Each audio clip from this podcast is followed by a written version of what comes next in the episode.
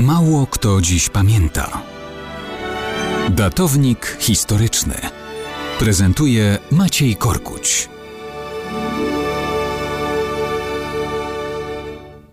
Mało kto dziś pamięta, że dokładnie 75 lat temu, 26 marca 1943 roku, w centrum okupowanej Warszawy pod Arsenałem doszło do brawurowej akcji odbicia więźniów.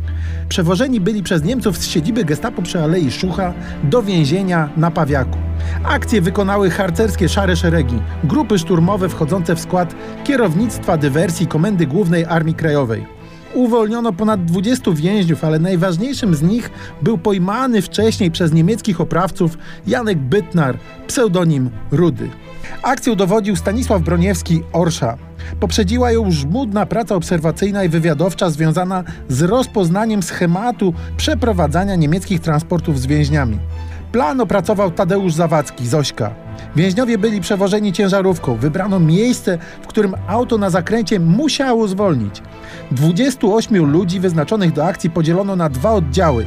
Jeden odpowiadał za akcję uderzeniową, drugi za ubezpieczenie. Godzina 17.30. Rozpoczyna się atak. Niemiecki kierowca więźniarki próbuje zmienić trasę. Wybuchają rzucone butelki z benzyną. Kabina auta staje w płomieniach.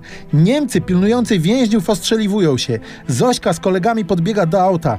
Likwiduje broniącego się jeszcze Niemca. Wybiegają więźniowie. Polskie kule trafiają SS-mana i policjantów na niemieckiej służbie.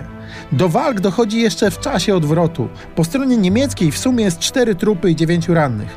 AK traci w sumie trzech ludzi. Rudy zostaje odbity, jest wycieńczony torturami. Po kilku dniach niestety umiera. Koledzy byli w stanie wyrwać go z łap Niemców, ale szponom śmierci rady już dać nie mogli.